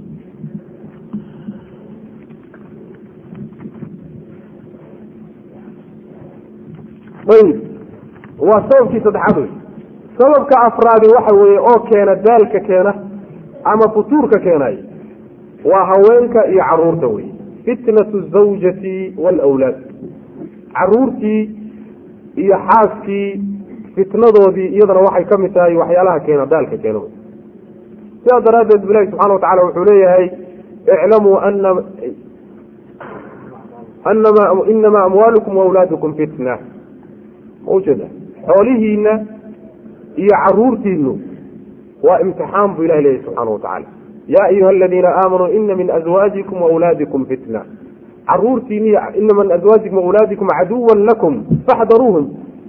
Yacni qaar cadow idiin abaa jira caruurtiina iyo xaasaskiina ee ka digtoonaana buu ilah yihi subxaana wa tacala xadiid saxiix ah ayaa nebigu wuxuu yihi sal alay wasalam alwaladu maxzana majbanatun majhalatun mabkhala ilmuhu waxa weeyaan waa murug oo waa fulaynimo oo waa jahli oo waa bakaylnimo buu nabigu yuri sal alay wasalam kayf waxa weeye ilmuhu murugta isagaa keena. Marka labaadna fulaynimo isagaa keena. See buu fulaynimo ku keena. Waxaad is leedahay haddaad safka tagtood u dagaalantay ilaahay daraadii caruurtaadi iyo caruurtaas dee xageed kaga tegi? Yaa kuu biili doona waa fulaynimo marka isagaa fulaynimada keena waxaa kaloo nebigu yihi majhala waa jahli jahli buu keenaa iyadana si aad isaga ugu wareegeysood ugu shaqaynaysood ugu macnaa waxa wey ugu dhibaataynayso yaad xabad ma taqaanid. Wuxuu kaa mashquuliyey inaad barato mabaadidii diiniga asasiyaadka xataa inaad barato kaa mashquuliyey. Waxaa kaloo uu yihi mabkhala waxaad u bakaynayso ma taqaana. Ilmahaaga daraaddii baad u bakaynaysa ayaa gurigaaga saasuu rasuulku yihi salawatullahi wasalaamu caleyh marka waxa weye waxay ka mid tahay waxyaalaha ruuxa ku keena wahsiga iyo daalka asbaabta keenta ayuu ka mid yahay.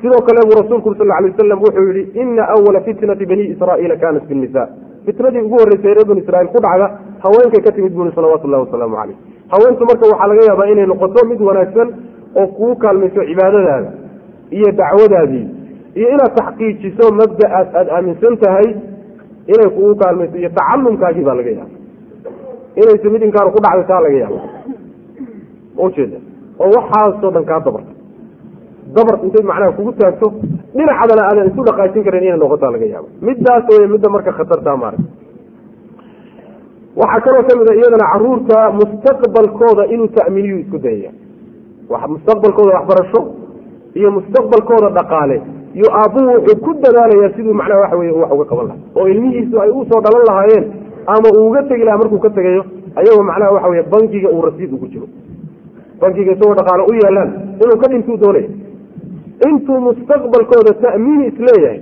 ma is ogo isaga mustaqbalkiisi muusan ta'miininin. Mustaqbalkiisi muusan ta'miininin. Ma ujeeda wa kaana alawlaa inuu marka hore naftiisa ku bilaabo.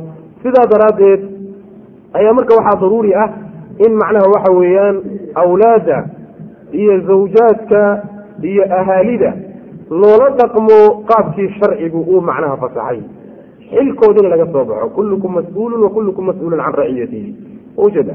Faarajulu mas'uulun yani raacin wa mas'uulun can raciyatihi buu rasulku sal lla alay wasalam yani ninku waa raaci wey qawsaar wey. Meel baa loo diray hawl baa loo dhiibay hawsha loo dhiibayna waxa weye waxaa ka mid a ehelkiisii iyo mas'uuliyadoodii baa ka mid ama ha noqoto jaanibka diiniga ah ama dhinaca dunyawiga iyo noloshoodii addunya ha noqoto.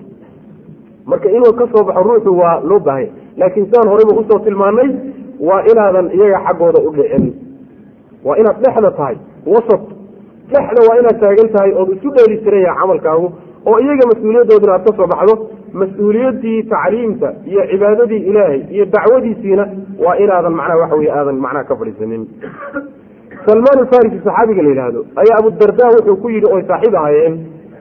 Waxa uu ku yidhi ina lirabbika calayka xaqan waina linafsika calayka xaqan waliahlika calayka xaqan faacti kula dii xaqin xaqahu nabiga sal alay waslam buu marka u tegey markaasaa wuxuu u sheegay hadalkaa salmaan uu ku yidhi nabiguna sal la alay wasalam waa waafaqay waxa uu ku yidhi war rabbigaa xaq buu kugu leeyahay naftaaduna xaq bay kugu leedahay ahalkaaga iyo qaraabadaaduna xaq bay kugu leeyihiin ee cid kasta xaqeeda sii bud yani waxa weeyaan waa qaacidatu tawaasun wey waa qaacido isu dheeli tiran wey rabbigaa xaqiisa ehelkaa xaqiisa naftaada xaqeeda qaraabada xaqeeda xaq kasta cidda leh siday tahay u sii buu ku yidhi.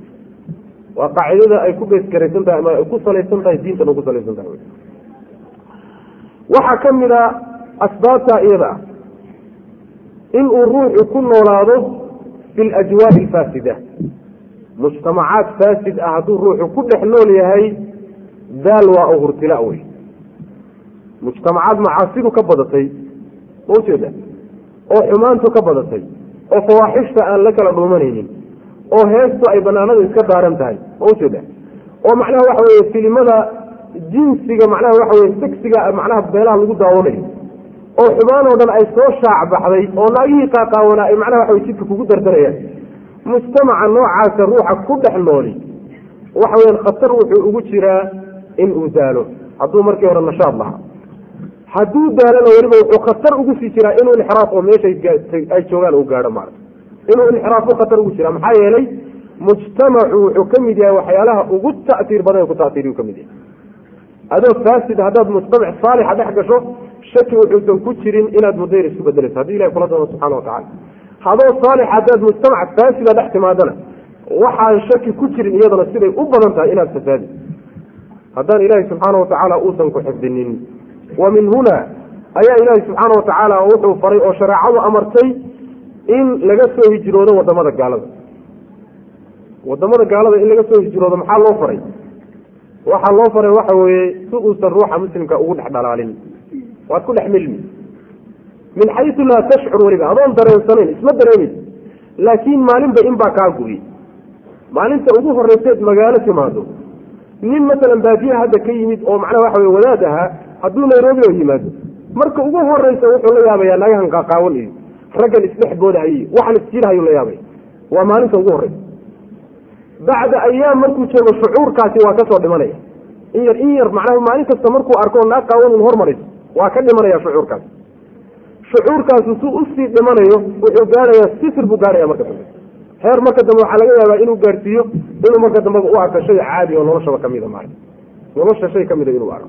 Wahaakada sidaa daraaddeed buu rasuulku sal alay waslam wuxuu faray in ruuxu uu dadka asxaabtiisa ee la fadhiista uu la shaha cabo inuu u fiirsadu rasuulku faray salawatu llahi wasalaamu caleyh wuxuuna ku tilmaamay yani siduu yidhi inamaa mathalu ljaliisi asaalixi wa jaliisi suu ka xaamili lmiski wanaasiki lkiir buu rasulku uri sal alay slam tusaalihiisii aadka u cajibka badnaa. Faxaamilu lmiski ima an yuxdiika wa ima an tabtaaca minhu wa ima an tajida minhu riixan ayiban buu rasulku sal alay wasalam wanaafiku lkiiri ima an yaxriqa siyaabaka wa ima an tajida minhu riixan muntina wuxuu rasulku uri sal alay wasalam saaxiibkaaga aada la fadhido sheeka wanaagga la leedahay hadduu xun yahay wuxuu la mid yahay buu rasulku uri sal alay wasalam sida ninka buufimada haysta ee birta macnaha dabka ku buufinay haddaad la fadhiisato laba mid kama dhaxayso inuu calalada kaa gubo oo macnaha waxa weye dhuxulaha duulduunaya dambaaburada duulduunaysa inay calalada kaa gubto. Iyo waxan uu buufinahayo iyo waxaan isku dhex jira qarmuunkooda inaad macnaha waxa weye aad ay wax kaa soo gaadhaan. Labadaa mid kama dhaxaysa bu rasulku uri sal alay slam yani marnaba khayr kama sugay wanaag male wax khayr oo wanaaga kaa soo gaari maayo. Ka waran kii wanaagsanaa wuxuu rasuulku tilmaamay salawatu llahi wasalaamu calayhi sida ninka macnaha cadarka iibiye oo kaleeto dukaanlaha cadarka wuxuu yidhi imaa inaad ka iibsato oo khayraad ka hesho wa imaa inuu iskaba kaasiiyaba oo uu kuu mariyo macnaha way dhacdaa. Haddaad kuwa macnaha cadarka iibiye aad u tagto siduu macnaha waxa weyaan u suuq geliyo kuu soo dhaweeyo ken buu odhanaya marka horaan kuu mariy waa kuu marinaya ma ujeeda waa bilaash. Urug udgoon baad ka heshay wa imaa in macnaha waxa weeyaan uu iska kaasiiyo iyo inaad ka iibsato iyo waxa weye inaad macnaha waxa weeyaan aada ur wanaagsan ka hesho. Haddaadan macnaha uusan ku siinin xataa waxaa dhacaysa agistaaga adag istaagtay ur wanaagsan baa kaaga imaanay. Intaad meesha taagan tahay caraf wanaagsan ood ka hesho ayaad macnaha helaysaa. Ujeeda macnaheeduna waxa weeye khayr waxaanan kaaga imaan maayo sidaa daraaddeed bu nabigu wuxuu yihi sal lla alay wasalam alrajulu calaa diini khaliilihi. Ruuxu saaxiibkii diintiisa unbuu ahaade mabdaa saaxiibkii inbuu haystaa falyandur axadukum man yukhaaliluhu bu rasulku uri sal alay wasalam dadka uu saaxiibka la yahay ha fiiriya nin kasta bu rasulku uri sal ly sl ha ka fiirsado dadka wan wanaagsan iyo culimada iyo dadka dalabatulcilmiga iyo dadka dhowrsoon ee xumaanta ka dhowrsoon dadkaa ninba ninkuu ka kicsan yahay baa saaxiib laga dhigtaa haddaad kaa saaxiib ka dhigato akhlaaqtiisaas yeelan haddaad kaa xunkaa saaxiib ka dhigatana si kasta u wanaagsanay ee maalinta dambe waxa weye inaad inxiraaftaad ku dhowdahay maarata waxaa ka mid ah yacni waxa weye oo taas iyadana gudagelaysa dadka iraadaadkoodu ay tabarta daran tahay. Aan go'aanka lahayn waa dacafo niyadoodu way tabar daran tahay. Nin maale cazimo le ma ah. Nin go'aan leh oo waxyaalaha waaweyn muwaajahayn kara ma ah. Ilan dadka waxaa iska jira dad dicaafu nufuus ah naftooda iska daciif tahay. Oo aan tabarba u haynin inuu waxyaalo waaweyn intuu ka hortago uu muwaajaheeyo ama ku guulaysto ama ku khasaaro ma ujeeda dadka noocaas oo kaleeta inaadan la saaxiibo waxay ka qayb qaadanaysaa inuusan wahsi kugu dhicin. Nin macnaha waxa weeye cilmigii bilaabidiisi iyo barashadiisii u arkayo buur ku soo dumaysa ama samadoo kor la yidhiba u arkaaye haddaad la saaxiibto meeshiisan baad la tegi. Dacwadii markaad ku sheegsheegto iyo diintii islaamka iyo xambaarideedii iyo dadkii gaadhsiinteediiba nin macnaha saraynayo ku odhanaya waa lay xidhaya. Ma ujeeda ama waa lay dilhaya adduunkii gaaladii o dhan baa isu timid ku odhanaya. Haddaad la saaxiibto halkaasaad la tegi yacni iraadaad daciifa wey caziimo ma laha calaa qadri ahli lcizmi taati alcazaa'im baa la yidhahda kolba go'aankaagu intuu yahay iyo kartidaada iyo dadaalkaagu intay tahay ayaad ku gaadhaa guushaada ilahi subxaana watacala hadduu kugu garqabto waa ka odhanaya shaacirku laastashalanna asacba aw udrika almunaa faman qaadat ilaamaalu ila lisaabiriin yani ma ujeeda yani waxyaalaha aan yidi diilanayo wax kasta oo adag waan sahlan buuri ma adkaysanayo dardigana hadduu iga hor yimaado inaan jebiyaan isku dayaya way macnahe ilaa aan yididiiladeedi iyo waxaan doonaya aan ka gaadho maxaa yeelay yididiilooyinka iyo waxyaalaha la doonayo ruuxu uu doonayo uma hogaansamaan ilaa nin adkaysila mooyaane. Nin adkaysilaa gaadha buu ku leeyahy shaacir kale wuxuu hi isaguna laa tasxab ilkaslaana fii xaalaatihi. Kam saalixin bifasaadi aakhara yafsudu cadwa albaliidi ila aljaliidi sariicatun kaljamri yuudacu fi ramaadi fayakmudu wuxuu yidhi waa iska xikam wey wuxuu yidhi ninka wahsiga badan hala saaxiibin hala saaxiibin oo hala fadhiisan hala socon wey macna maxaa yeelay waxaa fara badan nin wanaagsanaa oo mid xun xumaantii la xumaaday yacni waxa weeyaan midka xunka ah ka wanaagsan inuu cudurkiisa u tilaabiyahay aad bay u degdeg badan tahay buuri cudurkuu qaba inuu kuu gudbiyo kuusoo tilaabiyo. Aad bay u degdeg badan tahay sida dhuxushaba iyadoo ifaysa oo holcaysa inta la soo qaado yacni dambaska hoosta looga geliyo. Markii dambaska la geliyaba waa dintay ujeeda dambaska macnaha ka qaalib noqday wey. Sidaasoo kaleeto yuusan kuu fasaadinine wuxuu ku yidhi ninkaasi wahsiga badan hala saaxiibin buu leeyahy macnaha iska ilaali wey macne marka waxaa loo baahan yahay dadka uu ka dhiganay khaasatan ta'asurku wuxuu yimaadaa ruuxaasi haddaad u aragto uu ku wen yahay ishaada. Ruux kula weyn hadduu yahay oo qiimo kula leh oo xag cilmiyan ama dacwiyan ama juhdiyan ruuxaad macnaha ku dayanaysa hadduu yahay sidaad ugu ta'asurtahay aada bay ugu degdeg badan. Tahay sidaa daraaddeed dadka wan wanaagsan ee diintooda ilahi subxana watacaala manhajkooda dhaqankooda uu waafajiyey kitaabka alle iyo sunada nabiga sal alla alay wasalam juhdigooda iyo dadaalkooda ay diinta alle u adeegaan iyo himamkooda iyo niwaayaadkooduna aada ay u sarreeyaan. Dadkaasi saaxiibo ka dhigo haddaad saaxiibo samaysanayso kama gaarsiin karno asbaabta insha allahu tacala qeybta xigta iyo cilaajkaba insha allahu tacala muxaadarada baan ka dhigi doonaa. Wabilahi towfiiq wasala allah wasalam cala nabiyina maxamed wala alihi wasaxbi wasalam allahuma wasalam cala nabiyina maxamedi wacala alihi wasaxbihi ajmaciin ama bacd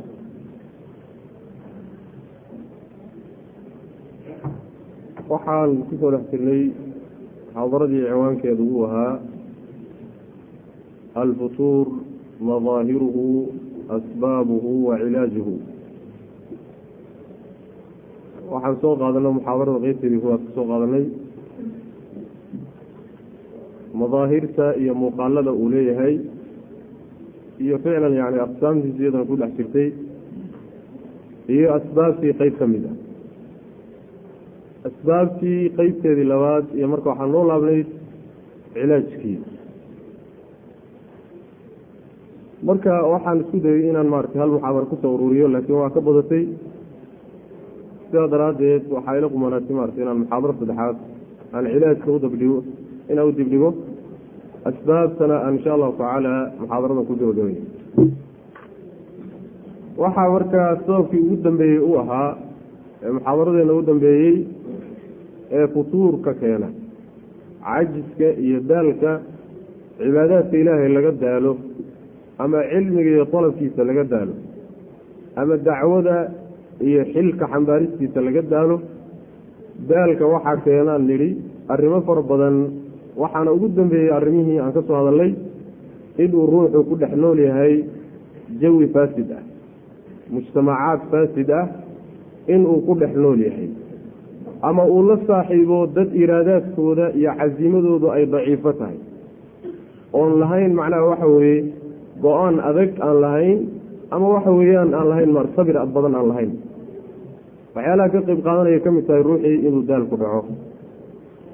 Innagoo marka ku sii jirnaa waxaa ka mid ah waxyaalaha futuurka ama daalka keena macaasida iyo munkaraadka iyo ruuxu inuu xaaraam cuno macaasida oo lagu dhaco iyo dunuubta oo la badsado.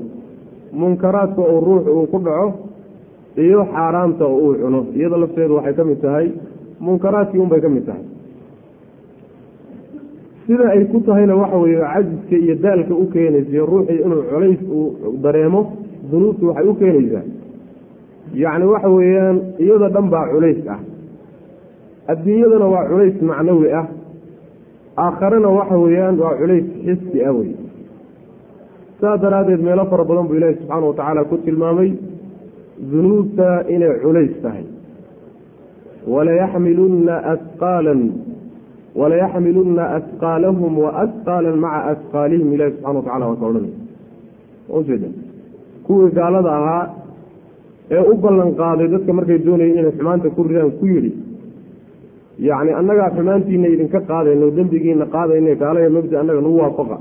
Oo xumaanta nala gala kuwaas ilaahi subxaana wa tacaala wuxuu ku yidhi waxay xambaari doonaan culaysyaalo culayskooda iyo culaysyaalo kale ayay culayskooda ku darsan doonaan bu ilahi subxana wa tacala macnaheedu waxa weeye dunuubtay iyagu ka yimaad la yimaadeenna waa loo xambaarin doonaa culayskeeda kuwo ay u sabab noqdeenna dembigay la yimaadeen baa loo xambaarin doonaa rabbi subxaana wa tacaala marka dunuubtii muxuu ka cabiray asqaal.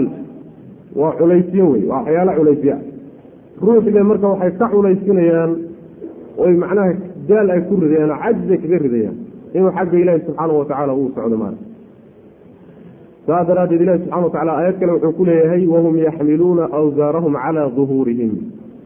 Maalinta qiyaamaday imaan doonaan ayagoo culaysyaashoodii iyo dunuubtoodii dhabarka ku xambaarsan ayagoo dhabarka ku xambaarsan ay imaan doonaan bu ilahi ohanaya subxana wa tacala suuratu alam nashrax waa ka ilahi odhanaya alam nashrax laka sadraka marka rasuulkiisa ula hadlaya sal alay wasalam wawadacnaa canka wisraka aladii anqada dahraka.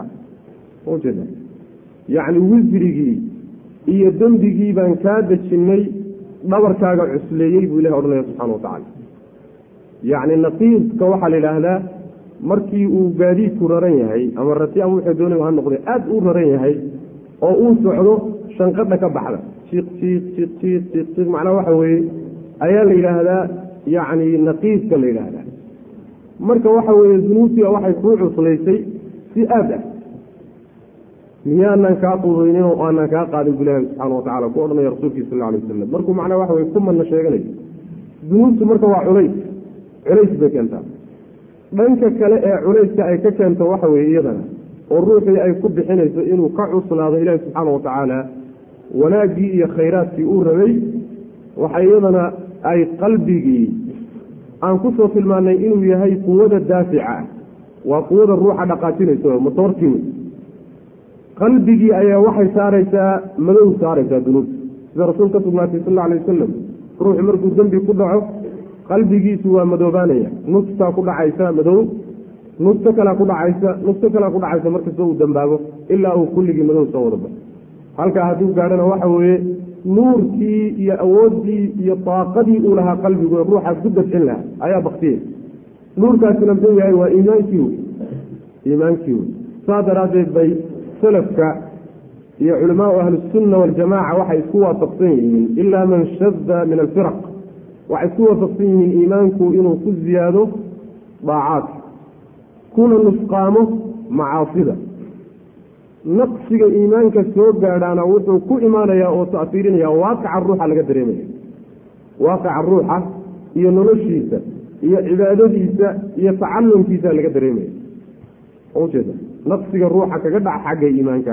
Halkaana waxa weye waa kala dagaalamaysaa sidaa daraaddeed ruuxu hadduu dunuub ku dhaco dunuubta badsadaay hadduu cilmi doonayo oo aalibulcilmi uu yahay cilmigii waa ku adkaanaya.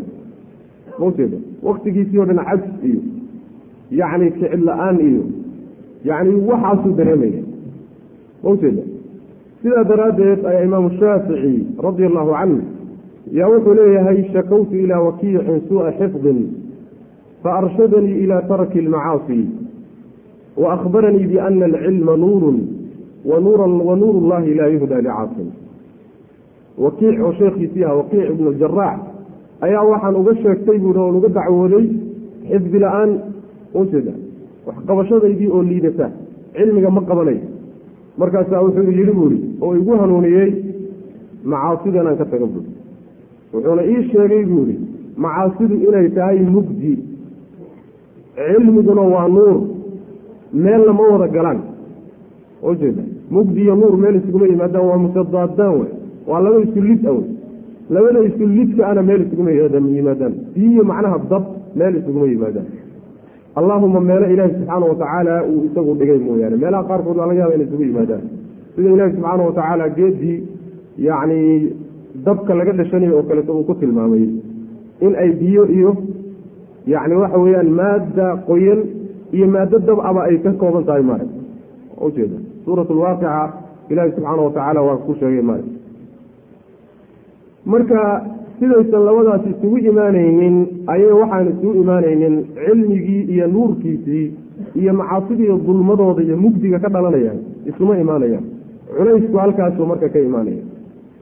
Mar haddii macnaha waxa weye meeshii markaskii maamulka iyo xaruntii macnaha waxa weye kicinaysa ruuxa jidkiisa dhaqaajinaysay culayskaasi hadduu ku yimaado xaggee kaloo ka dhaqaaqi karaa marka ila motoor kale kuma rakibna hadduu mid isbeela haysan laha kaasuu shidan laha laakiin ma jiro. Halkaa mid buu ilaahi subxaana watacala ugu talagalay. Kii hadduu marka tacaful ku dhaco oo macnaha waxa weeyaan uu daxalaysto duruusta daraaddeed uu la daxalaysto waxaa ku imaanaysa ruuxii jismigiisii oo dhan inaad marka ka dareento cajis iyo futuur fara badan. Daal fara badan inaad marka ka dareento maa sidaas weeyaan.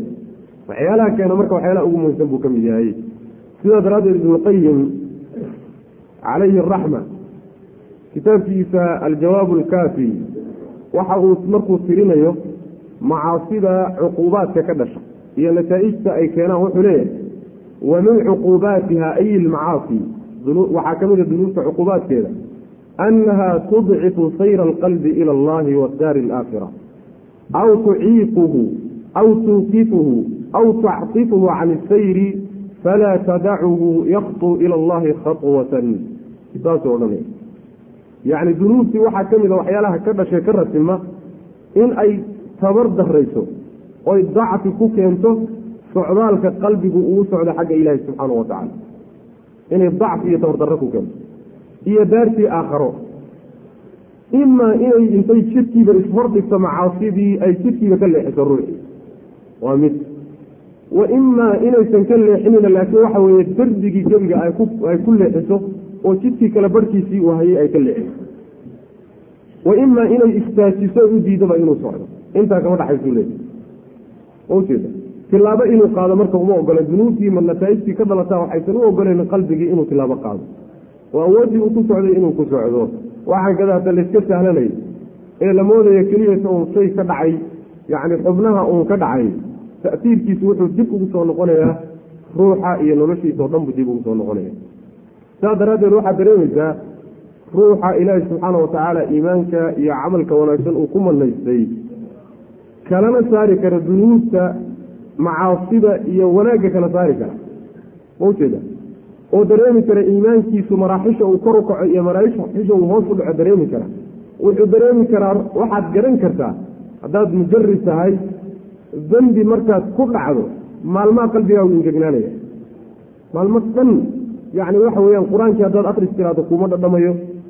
Safkii hore oo xun baa maaragtay kaa celinaya masaajidkii inaad timaado ma ujeeda yacni waxa weeye wanaaggii aad istaagii habeenkii salaatuleylka aad u istaagaysay yani waxaad arkaysa adoo sararteed ku siinamaya kullu daalika waxa weya waa aasaartii ka dhalatay macaasidaa ka dhalatay. Waana mujarab ruuxii macnaa waxa weye dareemaya ayaa garanaya maara sidaas weyaan bal waxaa laga yaabaa ruuxa dunuubtu inay ku keento intuu iska tasaahulo iska fududaysto marka dambe inay inxiraafba ku keento. Inay macnaha waxa weye haadaan ka tuurto oo macnaha waxa weye caajis ku dhaca mehe ayba ka tuurto maaragtay meel fog ay diido ujeeda jidkii dhannaaba inay gara mariso si u tasaahulayo oo maalinba maalin ka dambaysa leanna waxaa la yidhahdaa yacni macaasidu midba midda kale waxay u tahay boosto u tahay. Markaad maanta macaasiya ku dhacdo mid kale kuu jiidi markaad taa ku dhacdana mid kale kuu jiidi midba mid bay boosto u sii tahay ilaa laga yidhaahdo almacaasi bariidu lkufri macaasidu waxay boosto u tahay oy kuu qaadaysaa oy kuu wadaysaa gaalnimo. Marka ugu dambaysa u sii socoto yacni waxa weye khadka cagaaran baad marka dhanka ka maraysa maara khatar wey marka khatar bay aada u tahay. Sidaas weeyaan inxiraafkaasay marka kugaadhsiinaysaa ruuxu marka waxaa loo baahanya inuu aada isu ilaaliyo oo xaalaadkiisa uu la socdo goorta iimaankiisa uu daciifay dembiguu galay iyo sida macnaha wax weye uu ku yimid. Inay macaasidu ay iimaanka la dagaalamayso oo qalbiga la dagaalamaysana rasuulka cadaya sal alay wasalam xadiidkii bukhaari laa yazni zani xiina yazni wahuwa mu'min walaa yasriqu saariqu xiina yasriqu wahuwa mu'min. Markuu dunuubta ku dhacayo iimaankii waa laga siibay. Macnaheeda waxaa loola jeedaa iimaankii oo dhan baa ka baxay maaha laakiin iimaankiisii baa naqsi ku dhacay. Waa daciifay wa ilaa iimaankiisi hadduu sidiisii u xoog badan yahay uma suurta gasheen marna inuu macaasida ku dhaco. Waxay marka ku imaan kartaa inaad wax kasta oo ku shaki geliya ood u malayso inay macsiyo tahay in kaleeto inaad iskaga durugto. Waxay kale ku imaan sida rasuulku yihi sal ly dac maa yuriibuka ilaa maa laa yuriibuk. Waxaad shaki kaa gala iskaga tag. Ujeeda waxaad garanaysaan xadiidkii nucmaan ibnu bashiir ee dheeraa rasuulku sal alay waslam uu yihi alxalaalu bayin waalxaraamu bayin wa umuuru mushtabihaat markuu soo wado nebigu sal alay wasalam waa xaaraamtii xalaashii mushtabihaat ka soo warramay aakhirkiisa muxuu ku khatimay alaa waina fi ljasadi mudqa ida salaxat salaxa aljasadu kulluhu waida fasadat fasada aljasadu kulluhu. Alaa wahiya alqalbu. Yacni waxaasi la soo sheegay mushtabihaadka ha noqdeen xaaraamta la cunaya ha noqdeen. Macaasidaasi kulligood waxay ka mid yihiin waxyaalaha xarunta qalbiga laga maamulo jidhka dacfiga ku keenaysa iyo dabirdarada ka mid taha halkaasi hadday fasaadana waxay la mid tahay macnaha insaankii waa fasaaday. Macaasidu marka sidaasi uga qeyb qaadataa ruuxu inuu macnaha daciifo oo tabar dareeyo saa daraaddeed waxaad arkaysaa dadka ducaadda ah ee runtii dadaalkoodu aada iyo aada u cajo badan yahay. Ninba ninkuu ka tabar yar yahay oo adduunyada uu kaga yar yahay oo ka liita xagga marka la yidhaha dhismaha jidhka marka la yidhaha yuu ka dadaal badan yahay saaxada haddaad saa u fiiriso yacni ragga dadaalka badan waxaa kuu soo baxaysa marka ugu horreysaba rag duuban oo naf ah inay yihiin. Ujeeda inay naf yihiin. Xagga jidhkooda haddii la fiiriyo jidh weyn kuma arkaysa laakiin waxa weeye waxaa nool ruuxdaadaa nool. Ruuxdooda iyo iimaaniyaadkooda ayaa waxay joogaan mustawa aada u sarreeya maa sakaairta iyadana waxa weye raysigeeda iyadana waxa wey laiska jiro qeyb weynba iyaduna ka qaadataa. Intaan kaga baxno marka qodobka isaga oo ah dunuubtu inay tahay waxyaalaha qeyb ka qaata inuu macnaha waxa weye qalbigaagu daciifo ama cajis iyo daal inuu kaaga dhaco ilaahi subxaana watacaala acmaashiisi wan wanaagsaneyd waxaa ka mid a waxyaalaha ama asbaabta ka qeyb qaadata dacfiga ku yimaada ama cajiska ruuxa ku yimaada waxaa ka mid a inuusan hadaf cadba lahayn. Hadafba uma cadda. Wax ujeeddo ah ama meel yool ah oo macnaha waxa weye tooganayaba ma laha ujeeda waa iska dhame dameerdhaan raacday haheeye raac.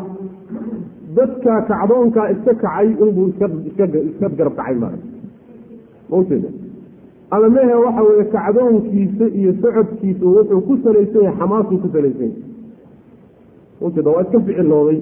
Ficiladiiba marka waxay ku bixisay inuu iska kaco.